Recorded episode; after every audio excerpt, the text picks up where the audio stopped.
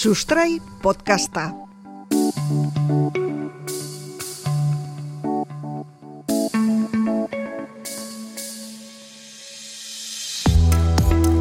Askotan hitz egiten da klima aldaketak lehen sektorean duen inpaktuaz, bai eta alderantzizkoaz ere. Alegia, lehen sektoreak berak kliman duen inpaktuaz hitz egiten da askotan. Abeltzaintza adibide nabarmena da. Kontua da ez aberekin, bueno, ez da baratzean ere, jarduera ez dela lehen bezalakoa. Alegina egiten da ahalik eta gehien zaintzeko jarduera bakoitzaren inpaktua. Ahalik eta inpaktu txikiena lortzeko. Eta horretan ere, ba, ikertzaileek asko laguntzen dute. Hori izango da gaurko gaia. Klima larrialdiari begira egiten den ikerketa bat ezagutuko dugu. Abeltzaintzaren testu inguruan. Hau sustrai podcasta da. Eta ni Guillermo Roa naiz, eluiarko divulgatzailea, baina ez nago bakarrik.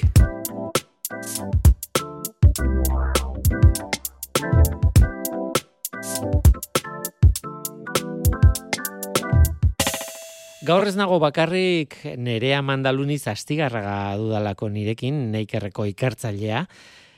Nerea, kaixo? Zer moz? Kaixo, ondo, mi esker. Animalia ekoizpen departamentuko ikartzailea zara, eta horrek esan nahi du animaliekin egiten duzula lan e, neikerren gauza asko egiten dira, bai e, landaketei buruz, baratzei buruz, nekazaritzari buruz, oroar, baina baita ere e, lan handia egiten duzue, bueno, animaliekin, eta zu arlo horretan zaude. Eta horrek esan nahi du bai animaliekin eta bai laborategi batekin egiten duzula lan. Bai, da batzutan bi gauzak ustartu behar dira kanpoko lana, eta gero ba, ba, batzutan hori analisi batzuk eta egin behar dira laborategietan, eta gero guztion artean hori lapikoan sartu, interpretatu eta emaitzak atera, eta beti ere galdera berriak sortu, askotan gainera, hipotesi berriak eta lanean jarraitu. Eta hasieran esan dudana, ez dakit zenbateraino berrestun duzuen, e, animaliekin egiten dan lana eta animaliak zaintzeko lan hori hartzaintza kaso honetan lehen bezala egingo da neurri batean baina gauzak aldatzen ari dira pixkanaka edo ez? Bai ba izango dira 12 bat urte edo hasi ginela guentzuten larraketa berreratzaileari buruz eta guretzako gauza berria zen. Ordurarte beti hemen euskadin egin izan da larraketa izan da ba, librea edo irekia animaliak askatzen ziren zelaietan, eta, bueno, belarra jate zuten, eta ba, berriz ere, bultatzen ziren, edo baserrira, edo beste zelai batera, eta baduela hori, ba, dozena bat urte izango da gutxi gora bera, hasi ginen entzuten, Ego Ameriketako leku batzuetan, estatu batuetan baita, aragitako behiekin, eta beste larraketa mota bat e, posible zala egitea, gainera aldaketa klimatikoari begira ere, emaitza oso oso interesgarriak zituela, eta ba, bide horretan hasi ginen pixka bat, e, 2008an. Mm, bide luzea. Gainera nik entzun izan dizut, eh, Ego Amerika ikpatu zuela, badibidez Argentinako behiak eta, bueno, aragitarako azten diren behiak eta bar, e, oiek eredu bat izan direla zuentzat ere, ez? Izan duzu behintzat erreferentzia bat gauzak modu berri batean egin izateko, ez da? Bai, da. E, proposatzen zituzten animaliak mugitzeko modu desberdinak, eta pixka beldur ginen alde batetik behiekin ari zirelako aragitako animaliekin, eta gu e, esnetako ardiekin ari gara, eta igual ba, bat ezberdintasunak egon daitezkela, eta bestetik e, Argentina edo Brasileko klima eta landaredia eta gureak ez daukatelako zer ikusirik. Orduan nahi genduna zan frogatu benetan, e, esaten zuten hori hemen, posible zan, betetze zan, emaitza antzekoak ziren, eta horregatik abiatu ginen e, lan hauekin eta amar urtez izan zarete probak egiten, eta, bueno, zuek erabiltzen duzuen terminoa gainera ipatu behar da, lehen bai lehen, abeltzaintza edo hartzaintza, kasu honetan, berreratzailea. Horrek esan nahi du, e, lan egiteko erabat ezberdina dela modu hau, baina gainera, eratu, berreratu egin nahi duzuela, zer? Zertan eragiten duen modu berri honek? ba, berreratu nahi dana da pixka bat leku egoera batzutan galtzen egon den lurzoruaren osasun hori eta lurzoru horren gainean hasten den belar guztia eta bertan baskatzen diren animaliak. Osa, sistema osorik nahi da berreratu. Kliman badu inpaktua horrek. Bai, ikusi dugu, e, orain arteko emaitzetan behintzat, atmosferako karbonoa zurgatzen dela, e, larraketa mota honekin, eta atmosferako karbono hori bueltaka da bilena, ba, ba, lurrean finkatzen dugula, lurrean landare hartzen dute, horrekin landareak hasten dira eta gero animali jaten dute, orduan karbon hori ba, finkatu eta gainera gero aragi edo esne bihurtzen dugu. Nola egiten duzuelan? ardiak badituzue, baina claro, neurketak egin behar dituzue, ez? E, e, esaten ari zaren guzti hau dago oinarrituta neurketetan, zenbakietan nolabait, ez? Orduan e, zure lana izango da batzuetan ardiekin, beste batzuetan laborategiren barruan, baina nola ustartzen dira bi mundu horiek? Bueno, ba uste gure lanaren gauza politetako bat hori dela, ez? E, aukera izatea bailaginak hartu ardiekin egon eta ikusi zelaiak nola doazen aldatzen, eta gero lagin horiekin laborategira joan, niri pertsonalki etzai tokatzen asko laborategiko lan hori, baina bai egoten nahi zai, emaitzak noiz etorriko, ba, ba ematen duelako dauka puntu bat honek, enola da, em, erakartzen zaitu, ez dakit, e, droga puntu hori dauka, egin duzun lan horren emaitzak zerraterako da, et, eta adiktiboa da egi esan, eh? Ikerketaren adikzioa. Bai. Tira, irakurri dut, eh, esaten duzuela, klima aldaketa arindu dezakela, hainbesterako hobekuntza da, larraketa eredua aldatuta? Bai, bai, bai, guk ikusi duguna proiektuan zehar izan da, asko eta gainera urtetik urtera mantendu egiten da tendentzia hori asko fijatzen dela e, karbonoa, atmosferako karbonoaren aipatu duen bezena, euneko laua gehitzen dela urterik urte, orduan asko da.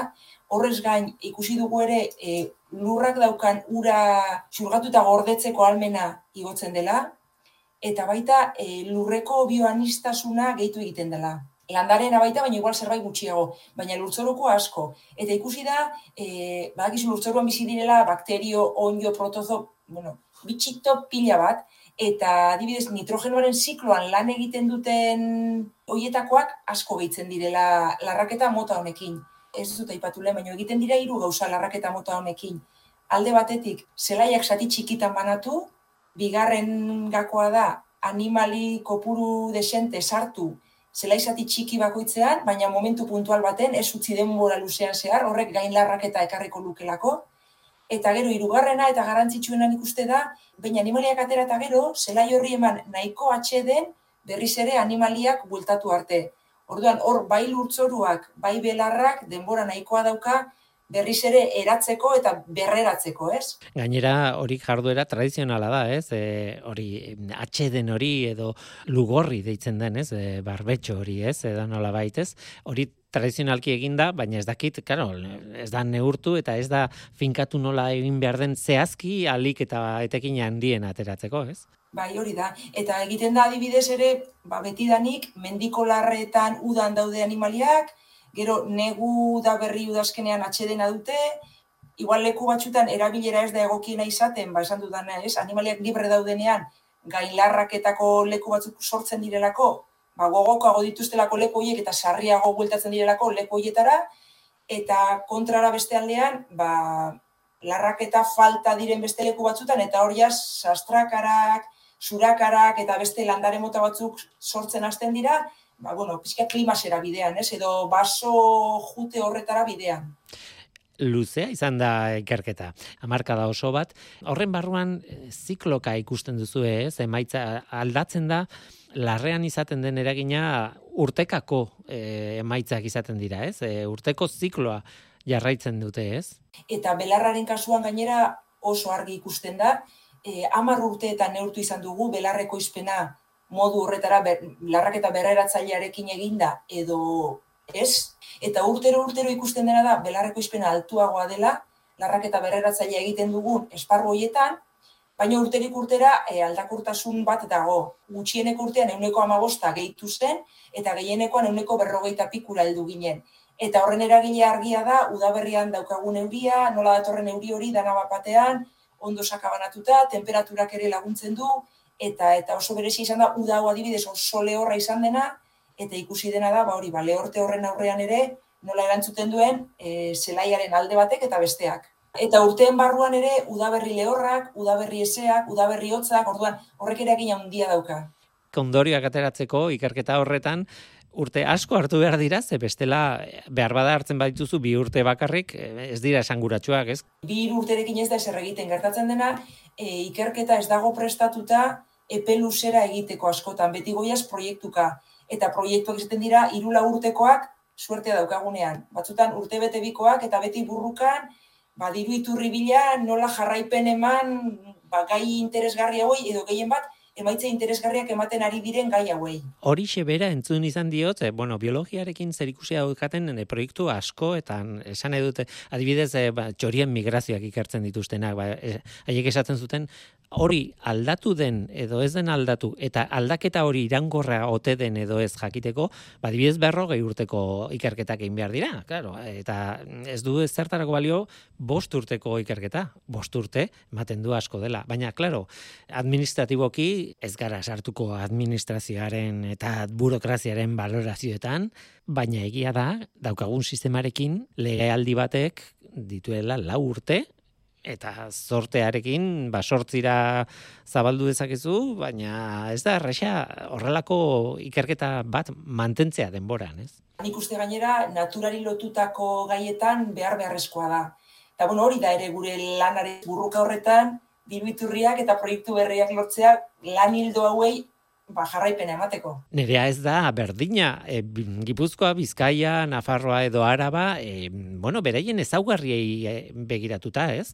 E, artalde bat izatea Nafarroaren egualdean edo Bizkaiko mm, iparraldean, erabat ezberdina izango da, ez? Bai, guztiz ezberdina. E, orografia aldetik oso desberdina, lurraren emankortasunare desberdina da, alde Atlantikoan ba, ezaugarri batzu ditugu eta pixka mediterraneora begira edo barne aldera begira beste ezaugarri batzuk, e, gazteiz aldean adibidez alturan ere gora egiten dugu, eta oso egora desberdinak, orduan ikusten dituguna da kostaldean igual, e, zelai eta larre txikiagoak eta hartaldeak ere txikiagoak, eta barnek alderagoa zela, ba, hartaldeak ere handiagoak, e, esparruak ere zabalagoa direlako. Horrekin esan nahi dut, bueno, larraketa sistemak ez direla izan behar berdinak toki guztietan. E, berdinak ez, tokian tokira egokitu behar da, egia da ez dago formula bat, larraketa berreratzaileari buruz hitz egiten dugunean beti galdetzen diate.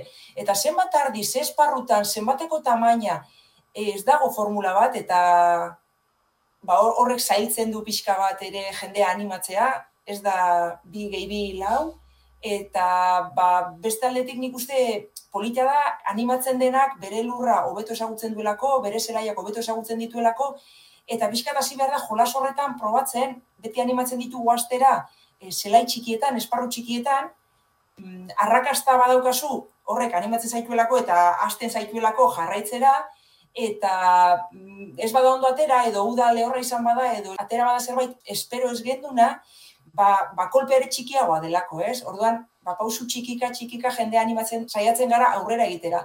Gu ere ez ginen bapatean hasi orain egiten dugun bezala egiten. Niren entorren mendiko larreetan lan egitetik, beste ohitura batzuetatik, e, eta orduan, ba, bapatean esparru txikia jartzea, ardiko pulo handia esparru txikien jartzea, begietara ere arraro egiten zaizu. Ez? Horre, ohitu behar duzu hortara ere, burua kokatu behar duzu hortara, eta, bueno, ba, gero demorarekin soaz ja erosoago sentitzen, emaitza batzuk ikusten, kontxe ba, funtzionatzen du, ardiak ere ondo daude. Belarra ere oso ondo ikusten da, lurtzoru ere bai, bueno, ba, jarraitu, eta urtean urtean ematen diogu beste klik, beste bueltatxo bat. Artzainekin batera egiten duzuelan. E, ba, bueno, kasu honetan, amar urteko ikerketa hau, e, gure hartaldearekin izan da, nahi daukagun hartaldearekin, baina azken urteetan, hartzainekin ere ari gara, eta baditugu bat pare bat e, talde operatibo, kooperaziboko proiektuetan, hartzaiak ari direnak eh, ere larraketa hau baia frogatzen beraien eh, txaldetan. Ikerketaren adikzio hori ere nabaritzen dute, e, esan nahi dut, implikatzen dira, ez da? Bai, gainera, gure lanaren zati bada ikerketa egitea, baina baita ere emaitzak e, ba, baserritarrei kontatzea, esatea ze onura ikusi ditugun, ze zaitasun baita dena saldu behar zaie, eta hor jendea pixkate animatzea, ba, bueno, praktika hauek aurrera eramatera, aldaketa klimatikoari begiran ikuste oso interesgarriak direla. Nik klima ipatu dut eta eta hori izan daiteke nolabait e, zuen ikerketaren gunea edo baina zuk aipatu duzu ere bai eta behar bada nahiko garrantzitsua da ez e, lurraren emankortasuna onditzen dela ez da bakarrik e, zenbat CO2 isurtzen edo xurgatzen edo bueno balantze hori nolakoa den baizik eta baita ere lur jakin batek lur eremu batek zenbaterainoko bai biodibertsitatea batetik baina bai ere e, gure, bueno, ikuspuntu produktiboaren aldetik ikusita, ba, oparotasuna, ez? Emankortasuna duen. Bai, belar gehiago ematen du, e, karbono gehiago finkatzera lurrean, materia organika gehiago finkatzen da, orduan janaria dauka belarrak, eta eta hasi egiten da, orduan belar gehiago lortzen dugu.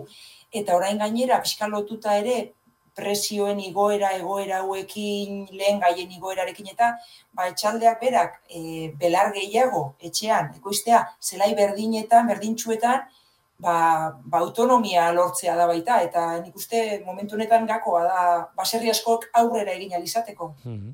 Aipatzen zen dituzten fenomenuen artean zen, e, ba, animaliek berak nola zapaltzen duten e, belarra eta horrek zer, bueno, e, noski e, beraien gorotzek ere duten ongarritasun paper hori ez, eta horrelako gauzak e, oso importantea da animaliek berek jakin gabe zer egiten duten. Bai, Bueno, baina hau da, hau da, pixkate naturan eta daukaguna, ez? Belar jaleak sistemaren parte dira, eta jateaz gain egiten dutena da hori, ba, ba txixa, gorotzak, zapaldu, hasiak sartu, eta hori modu egokian eginda, ba, ba, onura guzti hauek eh, ateratzen dira. Beti ere hori ekidin da gain larraketa, eta larraketa falta. Nahi nizun galdetu nolako lotura duzuen e, bestelako hartzainekin eta bar e, lehen aipatu duzu ba inplikatuta daudela batzuk ba zuen ikerketetan naiz eta zuen hartaldearekin ari zareten baina e, gero komunikatzen direnean gauza hauek komunikatzen dituzue zuen emaitzak eta zuen larraketa ereduak nolakoak izan daitezken besteei ere bai ez hau da zabaldu egin behar den kontu bat ez Bai, ikerketa ezin da, ezin da gelditu gure laborategietan edo gure bulegoetan. Gainera gu lehenengo sektorearekin lanean gaudela, egiten dugun guztia, beti ere hasiera batean edozein proiektu da pentsatzen gure sektoriari onura egingo diola. Gero emaitzak beti ez dira nahi bezalakoak izaten, baina beti beti lehenen premisa izaten da gure sistemari, Euskal Herrian daukagun sistemari onura egingo diola ikertzen ari garen horrek. Hmm. Eta noski, hola bada, e, hori kontatu egin behar dugu, hori ezin da gelditu ez da, e, bulegoa bakarrik ez, baina ez da bakarrik ere ingelesezko artikulu batean. E, elarazi behar diogu e, bertako baserritarrei. Eta horrela pixkanaka, pixkanaka joango gara eredu jasangarri batera, e, hori badela ez, e, kezka oso oso handia, eta argi dago oraingo premia bat dela, ez da la behar bat, ja premia bat da, ez, ezin dugu e, jarraitu orain arte bezala, testu inguru guztietan, esparru guztietan, eta zuena da horietako garrantzitsuetako bat. E, nerea mandaluniz astigarraga, eskerrik asko gurekin izateagatik, eta, bueno, larrera eraman gaitu zude pixka bat e, ikerketa honen bitartez, zure lankide guztiak ze asko daude, eta zorion du gure partez ere bai, eta segilanean. Mi esker zuei.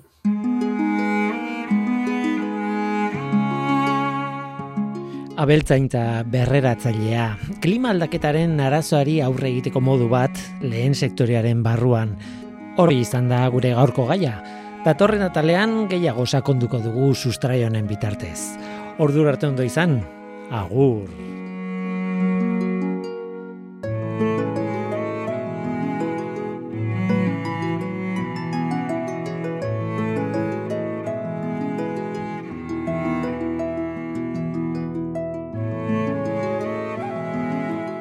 Sustrai podcasta elujarrek ekoizten du Eusko Jaurlaritzako ekonomiaren garapena, jasangarritasuna eta ingurumen sailerako.